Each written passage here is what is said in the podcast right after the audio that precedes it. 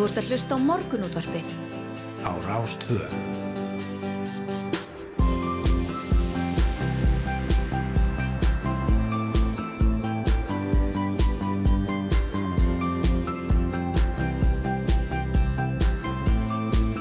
Morgunútvarpið Á Rástvö. Morgunundarfið býður, góðan dag, þriðudaginn 15. februar. Klukkunum vantar tímyndir í sjó og það er yngvar Þóru Snæru Sindardóttir sem verða hérna með okkur til klukkan nýju. Já, gaman að því. Já, það er gaman að því, við ætlum að fara víða í þættinum í dag eins og svo oft áður e, upp úr klukkan kortir yfir sjö ætlum við að, að heyra í já, sveitastjórunum í Skaftórreppi sem gaggrinir harlega að Arjónbanki ætla að loka eina banka á útibúinum á Kirkjubæjaklustri.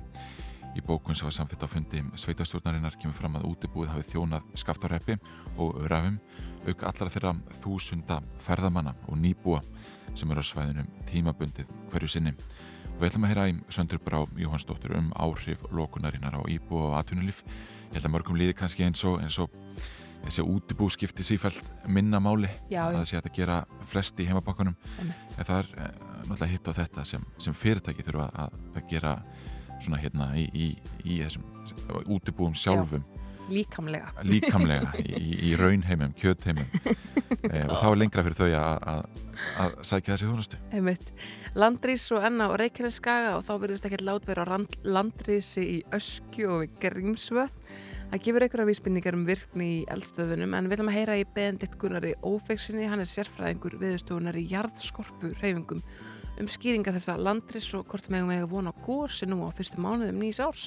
Það er nú ekkert smárbærandi. Nei, einmitt, og, og hvað þá ef það væri við öskju Einmitt. e, Morgublaði greint frá því í gæri að bæjarstjórn hveragerðisbæjar hefði sendt frá sér áskorun til vegagerðarinnar á föstudag í kjölfar þess að vegunum var um helliseiðum var lokaður í á þriðja sólarhing í síðustu vikum og Aldís Hafstinsdóttir bæjarstjóri segist ánað með að vegagerðin loki veginum þegar hann er ófær en að veðrið hafi löngu verið gengið niður í þessu tilfelli og við ætlum að ræða við Bergþórum Þorkelsdóttur forstjóra vegagerðarinnar um þá verkferðla sem gilda um þjónustu á vegum og reynilega álæð sem fylgir þessari miklu ófærð sem verið hefur á landinu undanfarna daga. Einmitt. En það eru fjórir blaðamenn sem hafa nú stöðu sakbortnings í rannsókn lauruglunar á Norðurlandi eistra vegna umfjöllunar þeirra sem afhjúpaði störf svo kallara skæruliða sveitar samherja. En umfjöllunin innihjalt meðal annars enga samtöl þeirra sem beittu sér sérstaklega fyrir hönd útgerafélagsins samherja eftir að koma verið um starfshætti fyrirtækisins í Namibíu. Þórusnar Júliusson, riðstjóri Kjartnans og Aðarstett Kjartansson, blaðamar á stundinni, eru tveir af þeim fjórum blaðamennum sem búðir hafa verið í skýslutöku vegna málsins en þeir mæta fyrst hingað til okkar upp um klukkan átta. einmitt áhugavert. Og síðan er það, já, er það rósirnar og, valentínusadagurinn og konudagurinn. Það hefur löst, margir fengir já, fallir blóm frá ástinni sinni í gær og konudagurinn er mjög framt næsta sunnudag, svo vertið blómasala er sannlega um þessa myndir Skrautblóm er á miklu leiti fluttinn frá útlöndum en háir tollar er á einflutum blómum og því getur vöndurinn orðið kostnaðasamur. Ólafur Steffensen, framkvæmdastjóri félags atvinnureikenda er jafnan að velta þessum tollamálum fyrir sér og kemur til okkar að ræða tollana á þessum tákgrænu gjöfum ástarinnar. Já, og Guðmundur Jóhannesson, Guðmund Tækni, hann var að sínust að í lok þáttar. Það er táknilega gafir ástannar yngu. Já, jú, jú, þetta, er- þetta er fallega að skrifa í okkur í morgunsárið. Það er romantík í okkur. Já, já, heldur betur. Það vantar aldrei. Hvað segir mér að forsýðum? Forsýðum blaðana?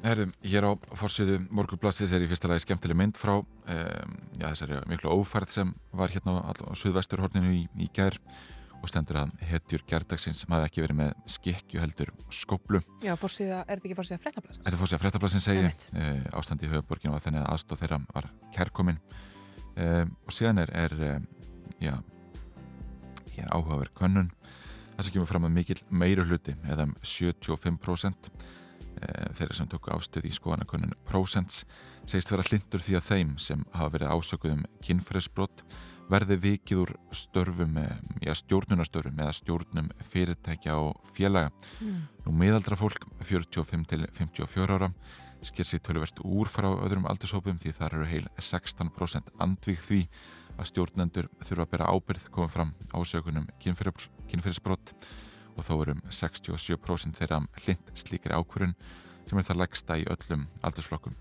Það eru 15% karlmanna andið því að stjórnarmenn eigi að víkja koma ásökunum fram og 65% hlind en 20% taka ekki ástöðum þannig að þetta er áhugavert. Emitt. Hér á forsiðu morgunblæðsins er einmitt um, já, umfyllunum um vopnaburð lauruglunar, einfallega undir fyrirsögninni skiptar skoðanir á vopnaburði. Það er haft þetta fjölunni Sæmundsinni formanni landsambands lauruglumanna að skipta skoðanir séu innan lauruglunar á almennum skot vopnaburði. Hann telli þó að fáur lauruglumann vilji vera vopnaðir í vinnunni. Er þetta ekki svona í ættu það sem að Runálur var að segja ykkur í gerð? Jú, nákvæmlega. Hann talaði um svona kannski að einhver leiti öðruldið hérna, að um í dag, mm. lörglu þjónar hvernig, hérna, hvernig best að hátta þessu málum þetta er að einhver leiti svona nýr veruleiki á Íslandi? Já, að, hérna, stöð 2 greindi frá því gær að, að þessi bissa sem að var beitt sem, sem var, bissunum sem var beitt þarna á Bræðarbrókustíg eða, eða Ingólstrættinu þar uh, hún hefði verið þrývita prentuð Já, einmitt. En talaði að það er unólfur að einstaklingar væru að, að kaupa líka vopna á, á samfélagsmiðlum eins og Telegram sem mm -hmm. hefur nú oft verið rættum e, bæði hvað varar eitulífi að kaup og, og vopnasölu þannig að já, þetta, þetta er einhvern veginn, já já, það, einhvern veginn þarf að bregðast við þessu Þetta er forunilegt. En uh, hér er auðvitað líka mynda vetraríkinu uh, á höfuborgarsvæðinu á forsiðu morgunblasins og segir, segir einfallega snjókingti niður og kyrsetti bíla sem er alveg rétt, það var nú bara fólki var hreinlega ráðlagt frá því að fara til vinnu í gerð morgun. Um, og varandi færðina á höfuborgarsvæðin í dag þá er hún svona, það hefur ringt að svona hitta, þannig að hún er um, hörð, snjórun er harður uh, og kannski um, það er ekkert mál að keira svona stoppbröðum og svona en svona yfir þessa svona skabla og, og garða sem að myndast mm. er svona leiðilt að komast yfir já, það. Já, já, og sem var svona rúmusk hálka einhvern veginn við það Þannig líka áhört að tala um það hérna að á er grein fyrir því að, að Þósteinn Már Baldvinsson fórstjóri Samherja segist aðspurður ekki tengja við þá mynd sem dreifum var upp í sjófastáttaröðinni verbúðinni sem setti þjóðuna nánast á hliðina. Hann segir hér Ég ætla bara að segja að ég hef tengst sjómennsku í áratögi lengi og hef tekið þátt í þessu sem atvinnureikandi frá 83.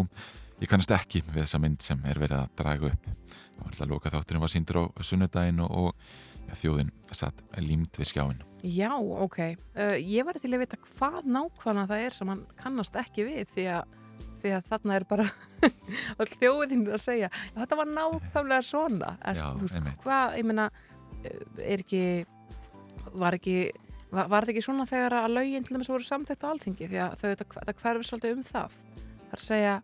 Uh, það er að segja sko þáttaröður. Mm. svolítið um lagasetninguna í kringum framsalið á kvótanum og svo framvegis? Já, einmitt, þetta er hérna já, þetta er áhugavert að rættu en hérna einmitt, eh, frábær hugmyndi á fréttablaðina að spyrja Já, frábær hugmyndi en, en þetta er hérna hluti af líkil spurningunni aftarlega í fréttablaðinu þar sem hinn og þessir eru spurður út í það hvað þeim fannst um, um verbúðina og, og svona hérna hvort að, að fólk hafa fylst með og, og þessi sammála þessari mynd. Það líka rætt við Haldur Auðar Svansson var að þingmann Pírata svona til að mynda. Þannig að hérna, við fáum því miður ekki, ekki lengri eh, skýringu af þessu hjónum Nei, ég sé hins vegar að hann alltaf ekki að tjá sig um það hvort hann hafi hort á verbúð. Nei, einmitt, einmitt. Hann spurði hérna, hefur þú fylgst með þessum verbúð þáttum sem eru búin að setja þjóðin á hlýðina þá segir Þorstein, ég ætla ekki að tjá mig um þá. Nei. Er, hérna, Já, bara alltaf læg það, það það þurfu alls ekki allir að horfa á línulega dagskar og það er alveg ljóst. Nei, nei, eða svara lík, líkil spurningu fréttablasins Nei, nei, það er alveg, alveg fullkominn áþurri Herði, við ætlum að fara betur yfir veður og, og færð hérna eftir sjöfréttir fréttastofu. Við ræðum síðan eh, já, við sveitastjórn í Skaftórrepp um eh, já, lokun útibúa þar og um, förum við landris, ræðum við vegagerðina betur um færð þannig að það er margt framöndan hjá okkur. Já, heldur betur. Uh, við verðum líka með fullt af skemmtleri tónlist í dag eins og okkar er von og vísa. En fyrst er það það sem er að frétta hérna, hérna með við gangin í efstaletti 1. Þú ert að hlusta á morgunútvarpið. Á Rástvöð.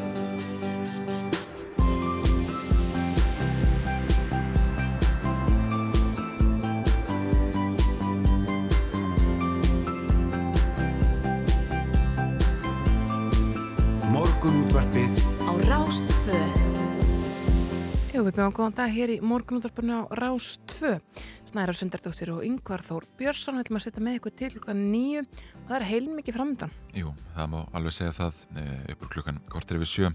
Alltaf var aðeins við sveitarstjóran Svöndurubrá Jóhannsdóttur, eh, sveitarstjóra Skaftarheps sem gaggrínir harlega að Arjónbanki ætla að loka eina banka út í búinu á kirkjubæðaklustri og segir að þetta hafi já, mikil áhrif bæð á íbú og. Einmitt. Síðan alltaf var aðeins aðeins eh, landris en landris en á Reykjaneskaga og það verðist heldur ekkert verið neitt að láta á landris í öskju við Grímsvöld og þetta gefur mögulega einhverju vísbendingar um virkni í eldstöðunum og við ætlum að heyra í Benedikt Gunnari Ófegsinni. Hann er sérfræðingur viðstofunar í jarðskorpu reyfingum. Emitt, morgubræði greindi svo frá því að í gæra bæjartur hveragerisbæjar hefði sendt fyrir sér áskorun til vegagerðan á fyrstu dag. Akkur var það einhver? Já, það er vegna þess að, að vegurinnum helliseiði var lokaður í á þriðja sólarhing Emitt. í síðustu vikum.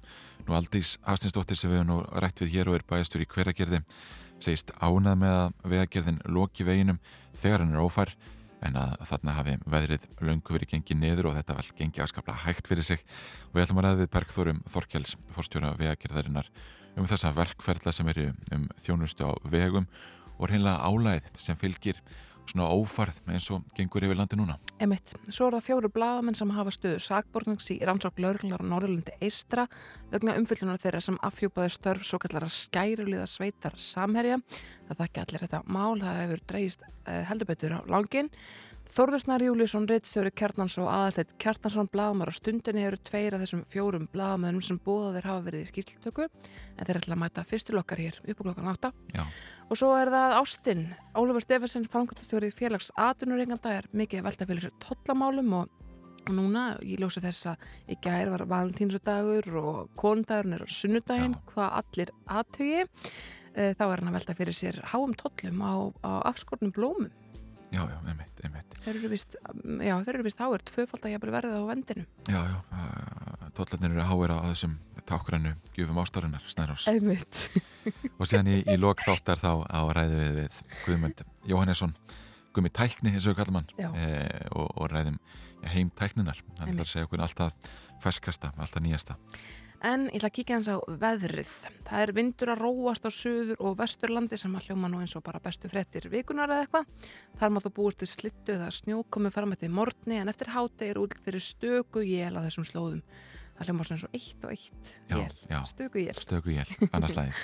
Norðan og austanlands er enn all hvöss eða hvöss suðaustan átt og jafnvel stormur til fjalla. Það er allir snjókoma eða slitta á norður og austurlandi en meiri óman koma á austfjörðum og suðausturlandi. Hítin á landinu dag verður kringum frostmark. Einmitt. Hér á vegagerðarinnar kemur það fram sem komið hefur fram síðustu vikur. Það er vetrarferð við að skora landinu e, sem kemur hérna fram á höfuborgarsvæðinu og það stendur varúð. Það myndast mjög stórir pollar víða á höfuborgarsvæðinu meðal annars í Ártúnsbrekku og Engidal í Hafnarfyrði og ég held að, að já, þeir sem fór á stað í morgun hafi orðið varir við já, polla uh, víða uh, Já, já, já, já. mjög stóra en, en þeir eru einmitt stóra þarna í Ártúnsbrekku og um, við Engidal í Hafnarfyrði á Suðvesturlandi er mjög þröngt á köplum á Kjalarnesi sérstaklega við Esjumela og unnað því að móka í fulla breytt vegurinnum þrengsli hefur verið opnaðar að nýju. Nú þæfingur er á bröttu brekku á Vesturlandi hálka og holtavörðu heiði og snjóþekjaða hálkublettir á flestum leiðum og víða jæljagongur eða skáreiningur nú vegurinnum fróðár heiði er lokaðar vegna veðurs og það fjall snjóflóð á veginum um Skarströnd og hann er því lokaður Á vestfjörðum er hálkaða snjóþekja á öllum elstu leiðum en þungfart í árnestireppi. Þæfingsfærðiða skafrenningur í Súundafyrði, Klettsáls, Mikladal og Hálfdán og þá er ófært á Kleifaheiði og vegurinnum í að Dinjandis heiði er lokaður. Einmitt, metraferði februar eins og, eins og við erum á orðinansifun. Einhver eigu að heyra smá tónlist. Já, við ætlum að heyra Ég like the movies með Laufeyju Lín, þar er romantíkin alls ráðundu og gaf eh, einmitt út nýtt lag í gæri í tilefni af Valentínusdegi og myndi þannig marga á, á þennan skemmtilega dag. einmitt. Þetta er lagið Like the Movies með Laufi Lín eins og yngar nefndi og í þetta skipti ætla ég að tilenga það bestu vinkonu minni sem er á leiðin upp á landsbytila núna að eignast bann. Ég ætla að hugsa til hennar.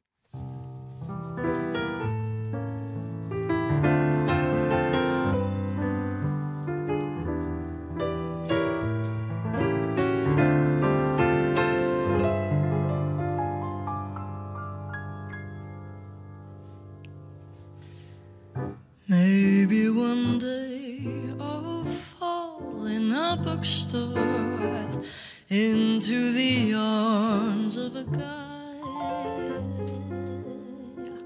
We'll sneak into bars and gaze at the stars, slow dance under stormy skies.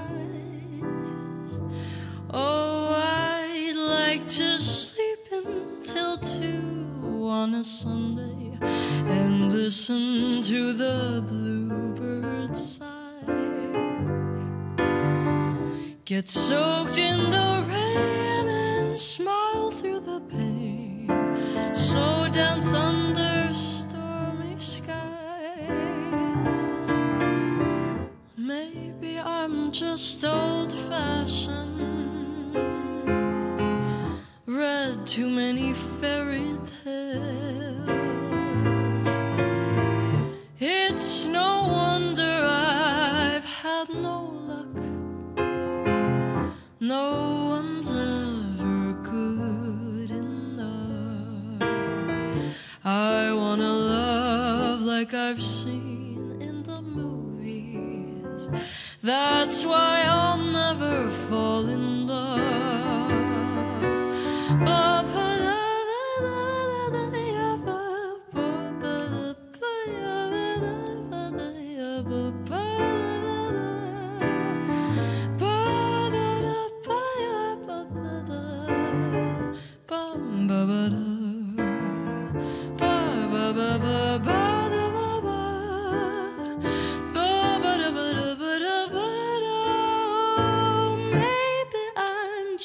stole 发生。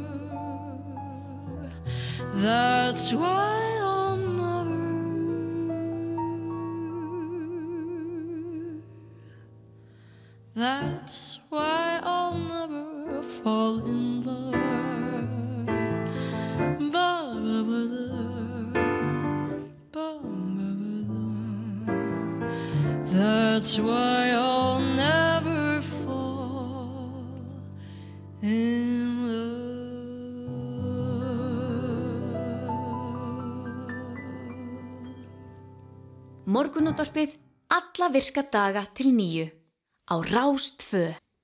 Snarus, hér í desembermániði rættu við tölvört um, um e, deilur e, Bergsveins Birgissonar, fræðimanns og reytöfundar og Áskirs Jónssonar, selabankastjóra. Já, hann Bergsveit sagaði Áskirum að, stiðjast ótæpilega við verksitt leitina svarta vikingnum við skrifu bókarinnar Eiganas Ingóls Mhm. og þetta, já, mál heldur áfram að draga til hvað eftir sér. Já, einmitt, hvað er í gangi?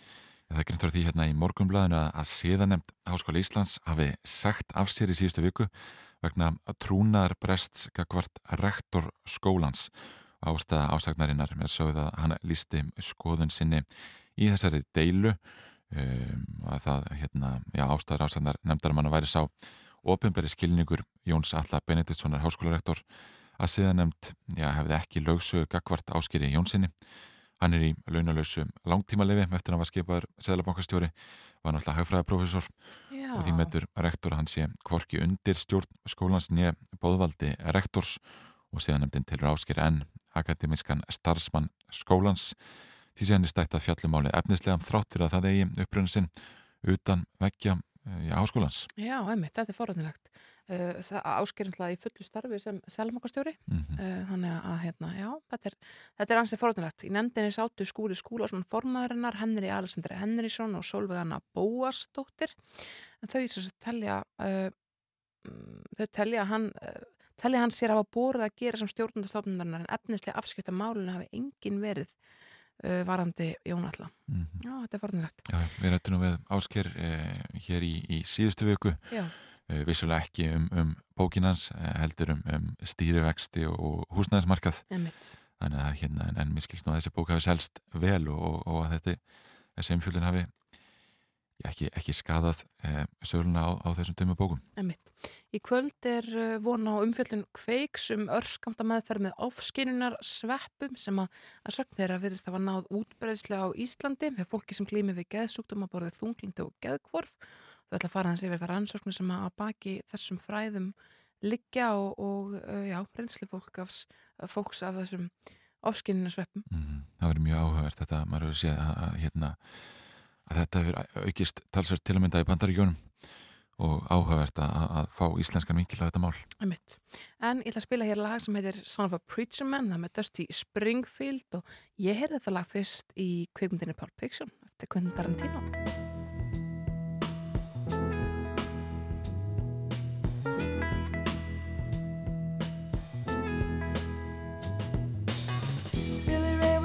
Preacher's son, and when his daddy would visit, he'd come along. When they gathered around and started talking, Cousin Billy would take me walking. Out through the backyard we go walking. Then he looked into my eyes. Lord knows to my surprise, the only one who could ever reach me was the son of a preacher man. The only boy who could ever teach me was the son of a preacher man. Yes, he was. He was.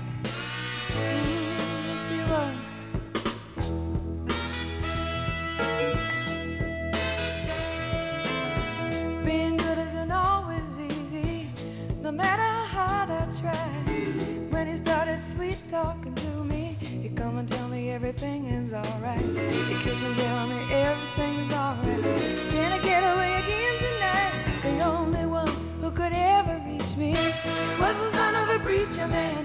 The only boy who could ever teach me was the son of a preacher man. Yes, he was. He was. The Lord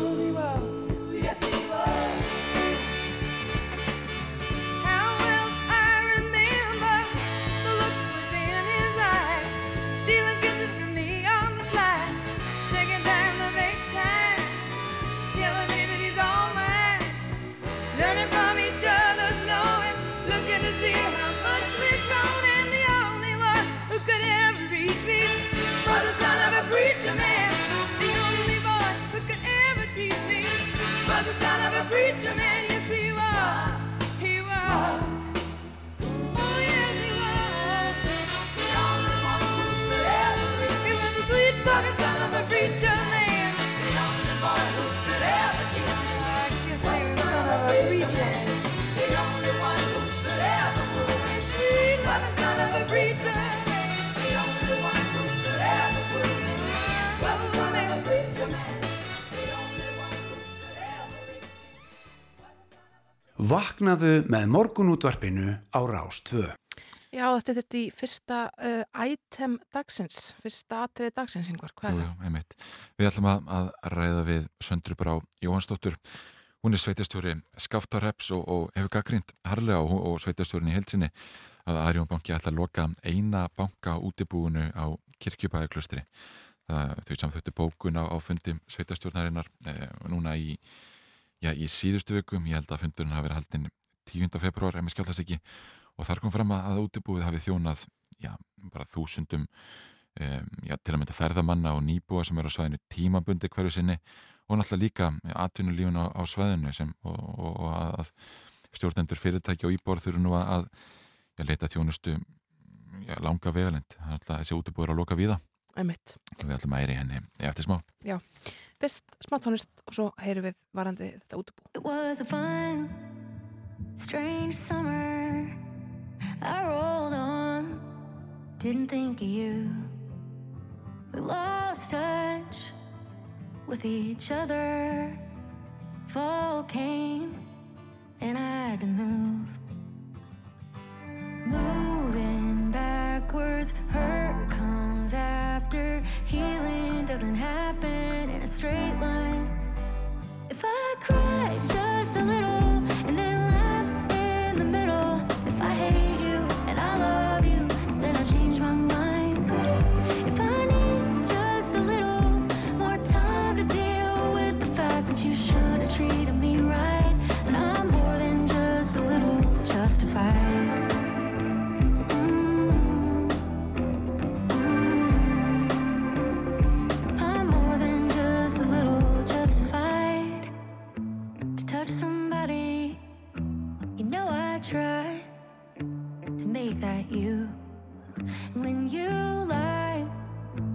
didn't want me.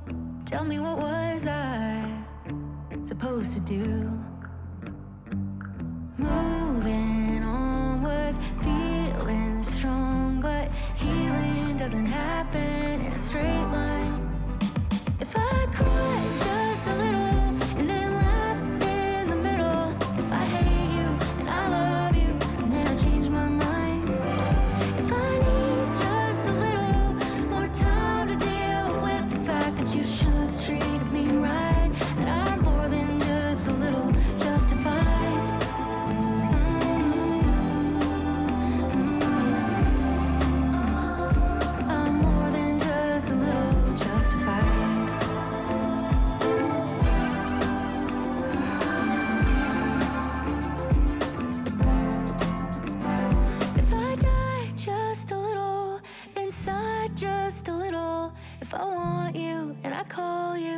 I change my mind.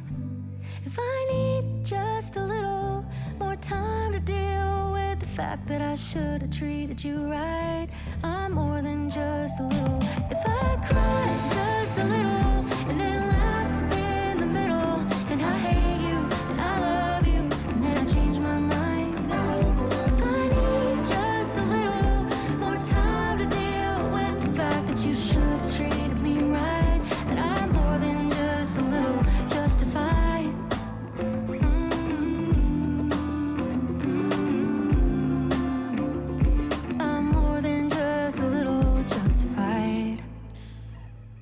Eins og við nefndum hérna áðan þá hefur sveitjastjórn Skaftorheps gaggrínt harlega að Arjón banki ætla að loka eina banka útibúin á kirkjubæðaklustri og Sandra Brá Jóhansdóttir sveitastjóri komin á línuna, góðan daginn. Já, góðan daginn. Sko, hvaða áhrif hefur það að loka útibúinu? Þetta hefur þetta bara fyrst og fremst þau áhrif að, hérna, að þetta sveitafélag hér verður þetta við svona skerðingu á þjónustu, það, það skerður þetta líka samkemmisefni sveitafélagsins. Uh, þetta er skiptir máli fyrir uh, hér er mikil ferðarþjónusta og, og mikil margt fólk sem er að koma hérna yfir árið að, að vinna í ferðarþjónustu, uh, erlendir ríkisborgarar og sem að þurfa að nýta bankaþjónustu og áreikninga og annað Já. og uh, þessi er þess þurfa að leita annað Mhm. Út fyrir sveitafélagi til þess að verða sér út um þessa þjónustu og svo eru hérna, aðbunur reikandi þurfa að fara með innlegg og annað og hérna í bankan Já, Eh, Sko, og gera það, gera það þá núna í gegnum uh, hraðbanka mhm, sem að eru þetta bara e, tæki og virkar þetta ekkit alltaf og Mm. margir sem kannast við það er að fara með innlegi í bankan og svo spýtir það pinningunum bara út aftur jafnóðan og þurfa það bara það mest eru að fara til Reykjavíkur eða eitthvað já. Þetta þetta hva, hvað, hvað er langt í næsta banka þegar að þessu útibúi ykkar lokað? er, það eru allavega 70 kilometrar næsti banki er í Víkimildal Mm. En nú einhvern veginn er- öll þessi banka þjónust að færast smá saman yfir netið, eh, smá saman yfir á netið, sko, þarf einhver banka útibú lengur? Uh, sko já, á meðan að, að tæknin er ekki ennþá orðin þannig að þú getur gert allt gegnum netbankan.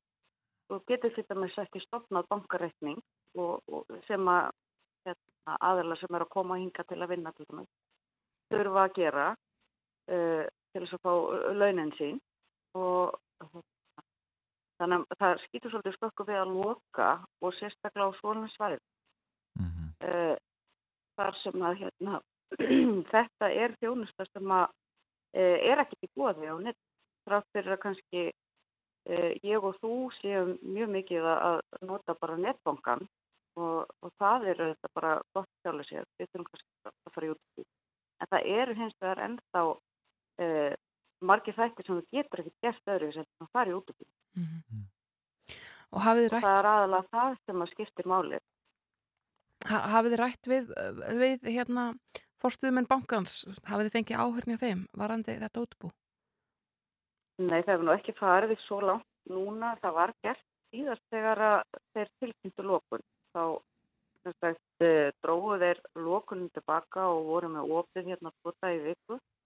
En nú er þeir sem sagt eins og það bara að, að, klára og, og hérna ætla bara að loka núna frá 1. apríl.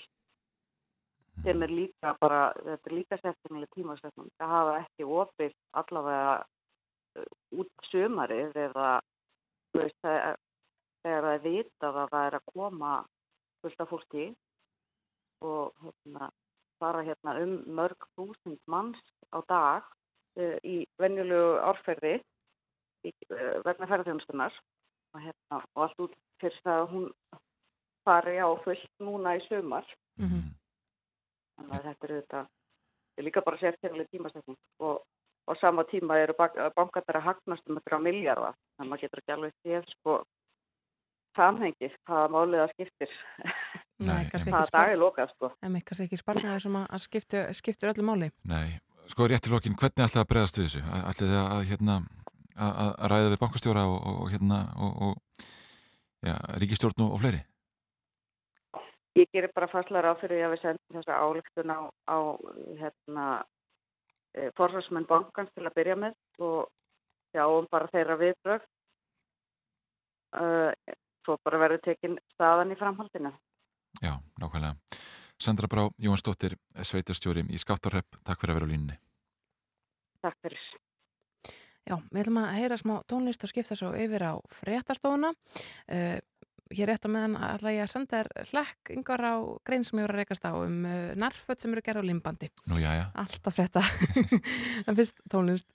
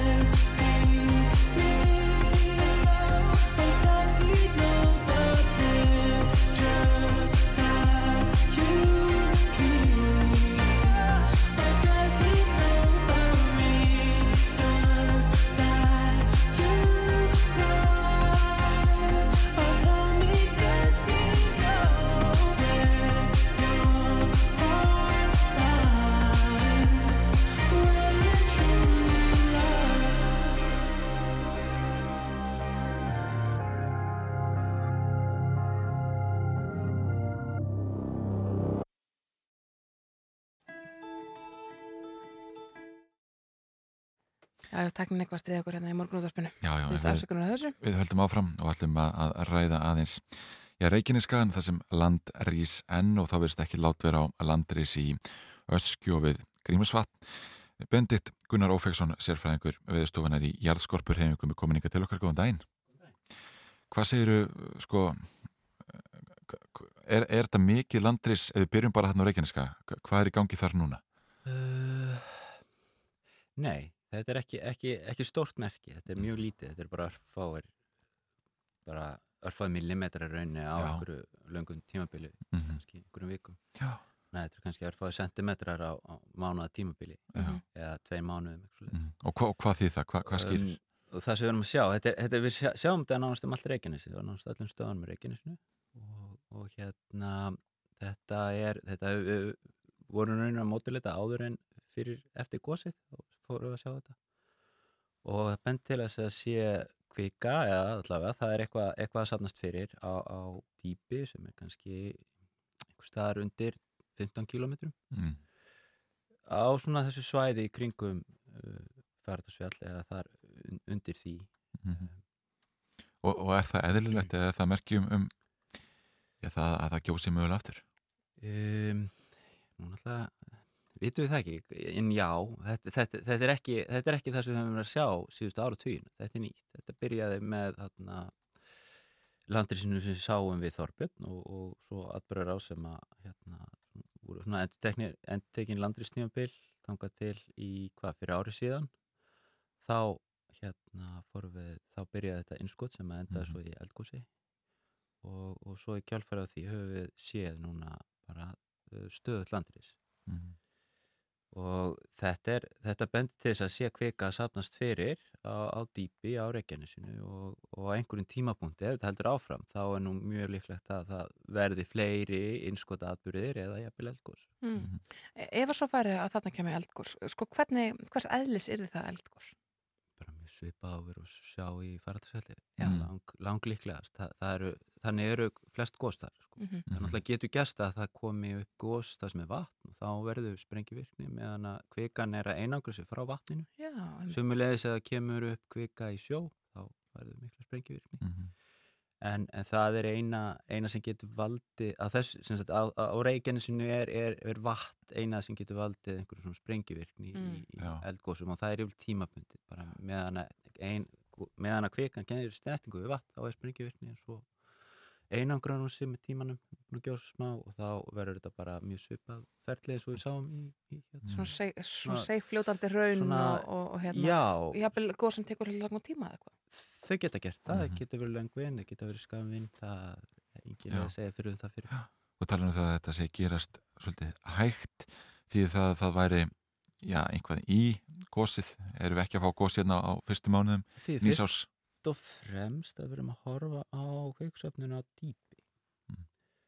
Uh, sem því það líka að þegar hún fer ofar í jarðskorpuna eins og við sáum fyrir gósið og svo við leist núna í hérna lok uh, í, í, í lok desember Mm að þá vantarlega sjáum við svona svolítið hressilega skjáltarhinnu og, og, og aflöfum sem tengist því þegar að kvikan kemur nær yfirborði. Einmitt.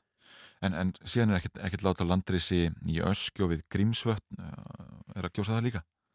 Það er, kannski við byrjum að grímsvötnum, sko, við höfum sett grímsvötn á grænt aftur eftir, eftir hlaupið og, og svona svolítið spennandi tíma þar sem við byggumst alveg eins við að byrja að góðs Mm en, en svo svona hægða því aftur en, en það breytir því ekki að, að hérna, grímsvötn er allir líkindum svona nokkuð tilbúin að gjósa. Það, er, Já. það hefur verið stöðlandris þar síðan hérna síðan síðasta gósi, 2011 Mhm. og, og hérna, það hægir endur alltaf smá saman á því en, en að samaskapi þá er skjáltavirknin að vaksa og þetta er svona dæmikinn merkjum að stýttist í gósi í grímsvötnum Mm. og en við höfum ekkert mikið meiri fyrirvar á því samt sko. -hmm. nokkuð svona lítur út eins og þessi tilbúin að gjósa en það getur gæst með mjög stöðt fyrirvara Og hvernig gós uh, er þið helst þar? það byrjar sem sprengigós Já. svona eins og við höfum alltaf séð bara að það er að því að það er undir jökli Já, og bara mikið þannig að vatn á þá kemst svæðinu. kvikan í nettingu við vatn og, og byrjar þannig en, og yfirleitt er, eru grímsandagós bara sprengigós því að Mhm. það, það nær aldrei gjósa ná lengi til að einangra sig fá vatninu eða Mm. komast upp úr jöklinu Og því fylgir til að vera aska og svo framvegis. Já, já, já, já, eins og 2011 var nú talsveit stórt gós og það var heilmikið öskufall og, rauninni bara, já, Mm menn, menn hérna kirkjubæðaklaustri á því svæði þeir, þeir kynntust því svolítið. En ég nefndi hérna ösku líka. Já, það er uh, það núna í, í haust þá, þá fórum við að sjá merkjum Mm uh, landris í ösku. Og það, það er allir enginn líka kvika að sapnast fyrir. Við höfum reynda verið að sjá fram að því vorum við að sjá um, að það var að uh, land var að síga í ösku Mm. en, en svo snýrist það við núna í, í haust svona, já, Mm allavega fórum að sjá það í haust að það var Já. bara snúst við, þetta Já. gerist náttúrulega svona hægt og rólega sko svona tíum byrjað sem allt er flatt sko Já, já. en, en hérna og þannig að við svona þangað til í november, þá mistum við nú sambandið stöðnar, við þurfum að fara og, og laga það aftur en Nú. það eru stöðvar utan í, utan í hérna öskju sem er ennþá í sambandi og, og það sýnir skýrt merki að það virðist vera ennþá landrís Mm. þurfum að kíkja á koma hinum stöðum í ganga en við getum sagt nákvæmlega hvernig það hefur verið að þróast en með þessa einu stöð sem er aðeins lengra frá þannig að miklu minna merki eru verið að tólka það Mm. Að þá verðist það bara að vera nokkuð stöð Hva- hvað Hvernig sendur á því að þið mistu samband við þessar stöðvar í ösku? sko, við erum með þrjár GPS stöðvar ofan í Einmitt. askja er svona hvað sé, askja er askja Hún er svona gígur. já, Já. Og, og hérna og það er ekkert símasamband þar ofan þannig að við þurfum að setja upp endurvarpa upp á, á ríman á öskjunni Mm sem er svo í sambandi um heiminn og, og þetta er náttúrulega bara stað sem alls konar veður er á og við Mhm. bara mistum samband við, við endurvarpan Mhm. líklega vegna ísingar geti eitthvað ákveð fyrir við þurfum bara að fara og skoða. Og þetta eru bara græjur sem að, sem að myndu, hérna, þið myndu fórna í eldgós í raun og veru, að það eru staðsettar þannig að ef það fara gjós í ösku, þá eru þessar græjur farnar hún í gós eða hvað? ekkert endilega Ekkert það endilega. fer alveg eftir stærgóssins Já. og hvað er í gangi sko. Ok. En, en nú er landris á þessum hérna nokkrum stöðum, er það algengt að land sé að rýsa víða á, á sama tíma? Og, og gæti það þýtt einhvern veginn að já, eitt eldgós íti við öðru og, og allt fara að gjósa hérna á sama tíma? Já, já, það getur alveg þýtt það sko. ég meina, tvö, tvö eldstöðakeri geta alveg, alveg haft árið okkur annað. Já, e eins og menn rættu nú svolítið um í tengslu við Eiffelajökul og hvað allir Mhm. en það var lítið vitað um það sko. Já. Við getum voða lítið fullist sko. mhm. en ekki ómögulegt en, en eldstöðakerfi sem eru kannski 100-200 km fjallar frá hvort öðru svona ólíklegt að svona Já. þessi hafa mikil áhrif En fyrst þú nefnir köllu, það er alltaf gaman að pæla í henni, hún er löngu tilbúin, er það ekki? Já, jú, menn er búin að segja það síðan 1925 Einmitt. um, hún hafa sér reglulega þannig að við erum förum verulega upp á tætnar og, og bara heldum að nú sé eitthvað að fara að gerast en, en svo hægur hún á sér og einhverju ár það sem ekkert er að gerast og það hefur verið svona þannig aðeins undarfærið Mhm. um, og í rauninni, já, þetta, hún, hún, er alltaf að, að, að hérna svona heldur okkur tánur reglulega en, en svo bara, já, ætlar hún eitthvað að býða það er, Mhm. Já.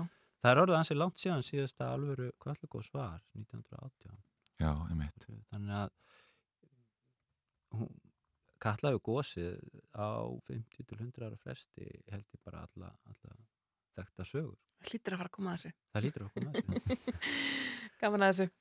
Eh, Við komumst kannski ekki lengra í, í þessum pælingum. Eh, Takk kærlega fyrir komuna. Bendit Gunnar Ófeksson, sérfræðingur viðstofunar í jarðskorpu reyfingum.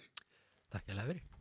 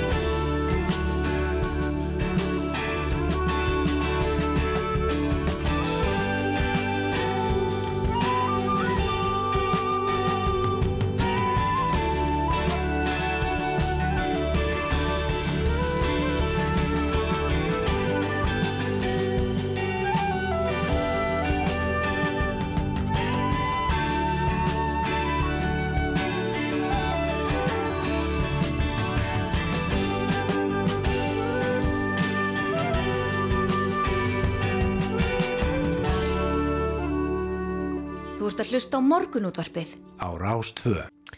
Já, já, áframhaldum við. Vegurunum Hellis heiði var lokaður í á þriðja sólarhingi í síðustu viku þegar ótíðin gekkir yfir landið. Aldís Hafstensdóttir bæjastjóri saðist ána með að vegagerinn loki vegunum er ófærin að veðrið hafi verið löngu gengið niður í þessu tilfelli.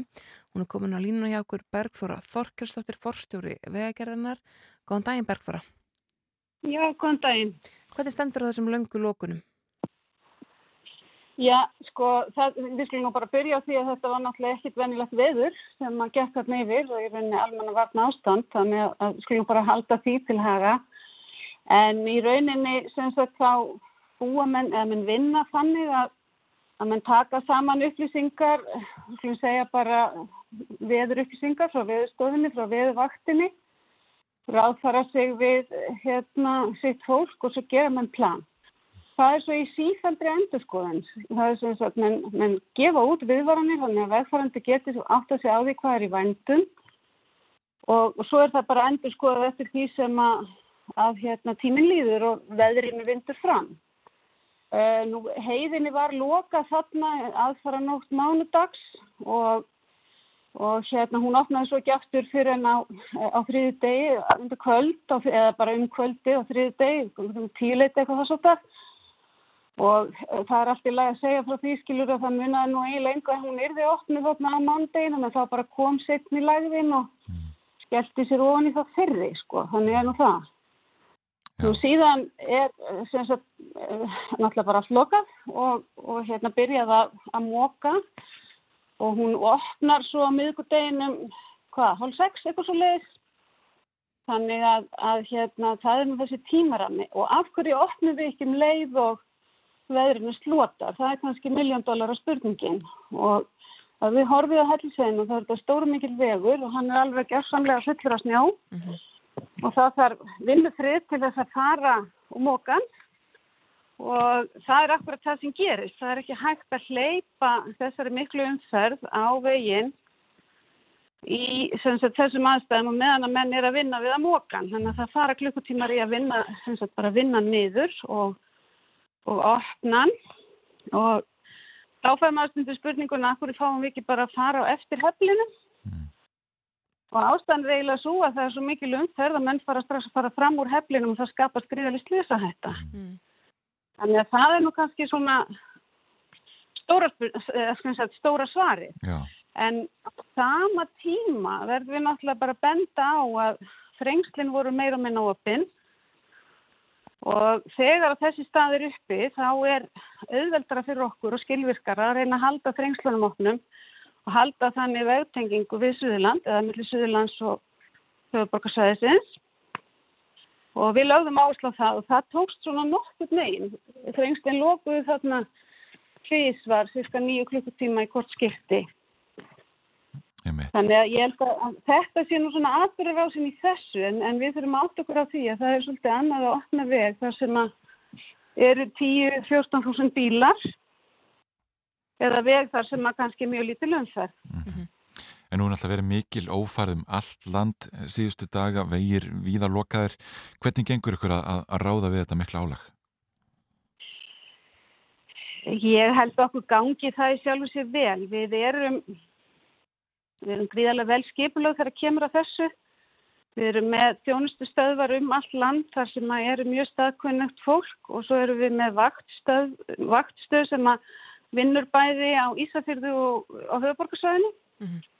og þar er lagt á ráðin sem sagt, það er að segja fólki í vaktstöð það hefur aðganga öllum þessum mælitækjum og myndavélum og, og það tekur stöðuna á, á viðstofunni og, og, og, og öllu því og svo ræða menn saman við, við heimamenn og, og stakkunnat fólk og út frá því eru ákvarðanir teknar oft í samráði við lauruglu líka Þannig að þetta er orðið mjög slípað verklag, getum orðað það þannig, það er hérna, já, ég held að, að það með segja það, en, en auðvitað er það bara þannig þegar að vest vetra veðrin geisa þá er ekkert sem ræður við þau. það er eiginlega, þú verður bara að býða hanga til veðrinu slotar og, og hérna, og svo fara og, og, og hérna, og muka, eða skiljið, það er svona, Er, er þetta ofinni slemt núna? Þetta er búið að vera ansi erfiðir mánuðir núna bara svona frá, já bara síðan fyrir jól. Uh, mig, ma- það hefur bara verið lægðagangur eins og við svo sem bara þekkjum uh, á eigin skinni. Eh, Það hefur aðeins verið, eh, sko það hefur mikið verið talað um tengslu við húsnæðismarkaðin að það sé fleira sérstaklega ungt fólk að flytja í þessi svona nákvæmna sveitafjölu við höfuborgarsvæðið, um, bæði á, á uh, Reykjanesinu og, og Reykjanesbæ og, og svo þarna fyrir austanfjall. Um, finnið þið fyrir auknum þrýstingi að halda þessum leiðum opnum eftir því sem að fjölgar í þessum bæjarfélugum, fólki sem jafnvel vinnur í Reykjavík eða, eða nálagum sveitafélugum? Já, já, þetta finnum við það og við skiljum það bara mjög vel. Ég þekki þetta bara einn raun, ég kerði hennar vegi 12 ár í vinnu sko og, og hérna þannig að, að auðvitað skiljum við það bara gríðarlega vel. Hellisegin er í rauninni orðin vegur á milli byggðakjarnar sem eru eitt atvinnusvæði og, og hérna að svona allavega einhverju leiti. Þannig að, eins, og, eins og við bara sjáum á umfyrirtöluna, þetta eru, þetta eru gríðarlega, gríðarlega háar umfyrirtölur, við bara sjáum það ef við horfum á veginu. Það er, er mikil umfyrð á honum alla daga og það er óþægilegt að komast ekki til, til vinnu eða jafnvel þó að maður er kannski möguleika á fjárvinnu, maður getur átt ímis erindi eða bara hreinlega til læknis eða hvað það nú er sem maður þarf að gera. Og þess vegna reynum við, ef við sjáum fram á það að helliseirin er að verða ótæk, og er, við hættum að móka þegar það hættir að vera, vera bara vit í því, við sjáum það að við munum ekki geta haldið hennu opinni, eða ef að veðrið er orðið þannig að það er orðið jafnvel minn en meter sem við sjáum fram fyrir okkur, þá hættum við og þá reynum við að, að vinna í þessari hjáli sem eru þrengslinn því að, að þau liggja lægra og, og hérna það er eh, auðveldara að, að halda þeim opnum þegar að verslætur þó að hellisegin séu náttúrulega betri vegur og, og hendi betur þá, þá er það samt þannig að þegar að vestu veðrin eru þá eigum við auðveldara með að halda þeirri leið opinni. En, en finnst þessar lokanur og þessi ófærð að draga fram að sé sérstaklega brínt að ráðast í vegaframkvæmdir á einhverjum ákveðnum stöðum? Sko þær gera það náttúrulega um allt land og, og þar er sko Suðurland ekkit, ekkit kannski versett en, en, en aðri landslutar og það, það er misjátt. En, en hérna við náttúrulega við erum með miklar tarfir fyrir framkvæmdir bara um allt land og, og, og hérna sérstaklega hefur svo þörf kannski orðið, ég veit ekki hvort hún er brítni en hún er allavega orðið augljósari í kjölfara og skulum segja bara saminningun sveitafélaga, það, það, skólar hafa verið saminnaður og svo framvið þannig fólk þarf að fara oft um lengri veg. Já, og, og það er svona búsak, búskaparhætti, við erum einhvern veginn öll komin út á vegina bara í bítið á mótnana og þurfum að komast í vinnu. Emitt, en svo kemur auðvitað fjárvinnan stertinn vantarlega á svona dögum og, og fólk var auðvitað bara beðið um hreinlega að halda sig heima eins og hvað í gær þegar að hér á höfuborgarsvæðinu voru mikil snjóatíð. Já, við, við náttúrulega búum á Íslandi og, og við þurfum að átt okkur á því að þessi staða getur komið upp og við þurfum þá að eiga það kort upp í ermin að vera bara skynsum og, og hérna taka kannski arforföðrana svolítið til okkar sem let ekki svona veður slás út af læginu. Já, það er ágætis loka orð. Bergþóra Þorkelstundir, forstjóri við að gerna takk hérlega fyrir að vera á línunni. Já, takk sem leiðis. Hér rétt og eftir þá komum sér fyrir hjá okkur Þórusnær Júliusson, Ritstjóri Kjartnans og aðsett Kjartarsson, blaðamaður á stundinni. Þeir eru tveir þeirra sem að hafa nú, tveir þeirra að fjö, fjögra blaðamanna sem að hafa nú stöðu sagbortningsvagna umfylluna þeirra um skærulega dild samherja.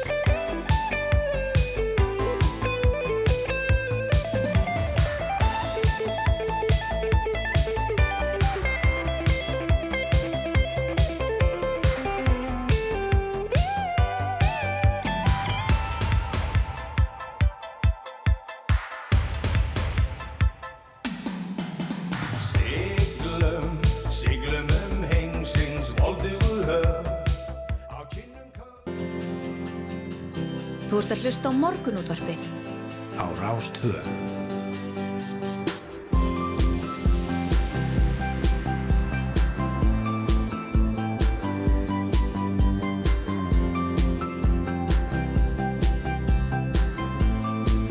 Morgunútvarpið á Rástvö. Jú, áttafréttir að baki og morgun útvarpið heldur hérna áfram. Fjórir blaðamenn hafa nú stöðu sagbortnings í rannsókn lörglunar á Norðurlandi eistra vegna umfyllunar þeirra um svo kallaða skærulega sveit samherja. Og Þóruðsnær Júliusson, Ritstjóri Kjarnas og aðstinn Kjarnason, Kjartansson segi blaðamar á stundinni eru tveir af þeim fjórum blaðamönnum sem bóðar hafa verið í skýslatöku vegna málsins. Þeir eru komin ykkar til okkar. Góðan daginn strákar. Góð daginn. Þetta býtur náttúrulega Kjarnason. beint samsöðskerringarnir um að þetta sé samantekki ráð. Það er þetta kjarnason. Þetta er mjög gott. Uh, já, velkomnir strákar. Uh, ef þið segja eitthvað bara aðeins hvernig sko, ykkur var tilkynnt í gær um það að þið hefðuð stöðu sagburninga sem byrjum bara kannski á þér, Þórur. Hvernig fór þetta allt saman fram? Uh, ég var bara að segja són minn á leikskólan og fekk símtal frá, frá uh, laurugukonu á, á Akureyri sem tilkynnti með það að, hérna, að hún vildi yfirhera mig og, og ég svo sem dróð þá að ég hef nú áður fengið símtul frá lauruglu vegna gagna sem ég hef verið að fjallum Mhm. það sem einhverju eru ósáttur um það að þau gögn hafa ratað í ofnbæra umræðu uh, að hérna uh, og þá hef ég allar alltaf verið minnskilningur ég hef sé með stöðu vitnis og einfallega vísaði það uh, vísaði ákvaði fjölmjölalega um vernd heimildamanna og, og, og, og ekki svarað neinu spurningum og grundulli þeirra en hún tilkynnti mig síðan í kjölfarið að þetta væri ekki málið heldur hérna að uh, ég var með stöðu sagbortnings í, í, í, rannsókn þeirra á hérna uh, á brotum á hegningalögum vegna brotum á, á fríðhelgi engalífs uh, og raunverulega fyrir það að, að nýta, frí, nýta gögn til þess að skrifa fréttir Mm. um, um, og, og, og gögni að fréttirna sem vísað er í eru um fjallanir annars vegar kjarnans og hins vegar stundarinnar um, um hennar svo kallu skærulega deilt samherja sem var hópur eh, launara starfsmanna og ráðgjafa og stjórnenda samherja sem eh, voru að, í saminningu að vinna því að grafa meðal annars undan blagamönnum sem voru að fjallum fyrirtæki Einmitt. þannig að hérna uh, svona var mér greint frá þessu uh, og uh, já og, og, og sé fyrir mér að ég fari í yfirreyslu í þar næstu viku Einmitt. Hvað segir þú aðstætt? Bara allt gott. Eða það ekki, hvernig heyrið þú fyrst af, því að, að það er bóðið í, yfirslu? Herru, ég er í svipuðum stöðum og, og, og, og Þórður, nema það ekki fyrir utan leikskóla, heldur utan dagheimili, þar sem ég var að segja són minn. Skal við ekki, ég hafði ekki mikinn tíma til að, að ræða uh, við lögreglufulltrúan sem ringdi í mig, þannig að, þau sendu mér tölvupost, Mhm. þar sem að, að hérna, það er tilgrind að ég fá stöðu sakbornings og það sé verið að rannsaka brota á fríðhelgi engalífs uh, ég í sjálfsvegar hef ekki ennþá almennilega hugmynd um sko, hvað það er sem ég á að hafa gert nákvæmlega sem að, sem að uh, er lögbrott því að það er liggur alveg fyrir í, í þessum sömu lögum og er, er vísað í að, að, að, hérna, að það er heimilt að byrta upplýsingar sem að í einhvern skilningi getur verið brota á friðil gengalífs ef að, ef að almannahagsmunir uh, kalla svo á. Mm. það er algjörlega óumdeilt í þessu tiltekna máli að, að þetta átti erindu við fólk og það hefur hingað til að mínu viti engin efast um það raunverulega að þetta hafi átti erindi Sko nú hefur bloggarinn Pál Viljámsson stundum breykslað um það að þessum gögnum hafi verið stólið og jafnvel af þeim blaðmennum sem um þau fjölluðu. Sko snýst þetta um það? Snýst þetta um ásakanur um að, þið hafi persónulega rænt þessum gögnum með einhverjum hætti? Nei, nei, ég spurði lögreglu fulltrúan að því, sérstaklega hérna, þessar eh, hérna, miklu og, og, og, samsæðiskenningar sem hann hefur sett fram um það hérna, að hér, þessi, þetta fyrirtæki sem sittum hér inn í núna, Rúf og, og fleiri miðlar sem hann tólkar sem undirdildir Rúf uh, hafi plottað saman um það að eitra fyrir ykkur manni og stela símanum hans uh, sem eru þetta mjög alvarlegar áverðingar og skulum ekkit, ekkit breyða yfir það að ásaka nafngreint fólk um það að, stundast líka hátsemi sem við þetta sannlega gerum ekki. Uh, það er, ég spurði laurugluföldrúan um það hvort það væri eitthvað annað undir en þetta og hún sagði nei. Uh, það var ekki, þannig að það er algjörlega skýrt að þetta snýst bara um þessi ákvæði sem ég var stefnum við verið að tala um núna, það er að segja brota á hegningalögum uh, að brota ákvæði hegningalega um, um, um, um gegn fyrir helgi engalífsins og uh, til þess að kannski að, að, svona, að undistrykka það sem aðarstættum var að segja þetta náðan varandi erindið út af því að það er algjörlega skýrt bæði í framkvæmdlagana, tólkun þeirra og ekki síður í skerpingu þeirra sem átt sér bara stað í fyrra þegar e, það voru að gera breytingar á hegningalögum og meiri hluti allsverð og mentamálunemndar tók þetta ákvæði gegn brota og friði ekki engalis sérstaklega fyrir Mhm. og e, þar segir bara í meiri hluta álitinu að hérna með hliðsjónu þeim breytingu sem laður eru stað, þú veist, varðan þessi ákvæði þá telur nefndin æskilegt að það veri kveðið á um það að þetta ákvæði, þess að þriða grein frumvarsins er ekki við þegar hátt sem er réttataleg með vísan til almanna eða engahagsmuna er hér meðal annars litið til þess ákvæðis hamle ekki störfum og tjáningafrelsi fjölmila meðal annars í þeim tilvikum þegar þeir fá aðgang að gögnum eða forritum sem hefur verið aflað í heimildaleysi eða geti varðið almannahagsmunni og ætlu við í alvöru að fara að ræða það um það hvort þessar upplýsingar hafi varðað almannahagsmunni uh, sem þarna komið fram í þessari umfjöllun. Uh, ef við sjáum bara viðbröðin við umfjöllunni viðbröð helstu ráðamanna þjóðarna, viðbröð alls konar félagsamtaka bæði innlendra og erlendra og endanum þau viðbröð að samherri steig fram bast afsökunar á aðtafi sínu og sagðist að það gengi of langt. Þetta eru viðbröðin Mhm. og uh, það er enginn haldið því fram við mig eða nokkurn annan að þessi umfjöllun sé raung. Hér er einfallega bara verið að beina aðtiklina af fingrinum í staðin fyrir þess að horfa á tunglið og þetta er enn einn byrtingamynd þess. Mm. En sko, en af hverju tellið þið að lauruglustjórin á Norrlandi leggja þá upp í þessa vegferð? Skilgan ykkur sem sakborninga að búa ykkur í skýsltöku og svo framvis?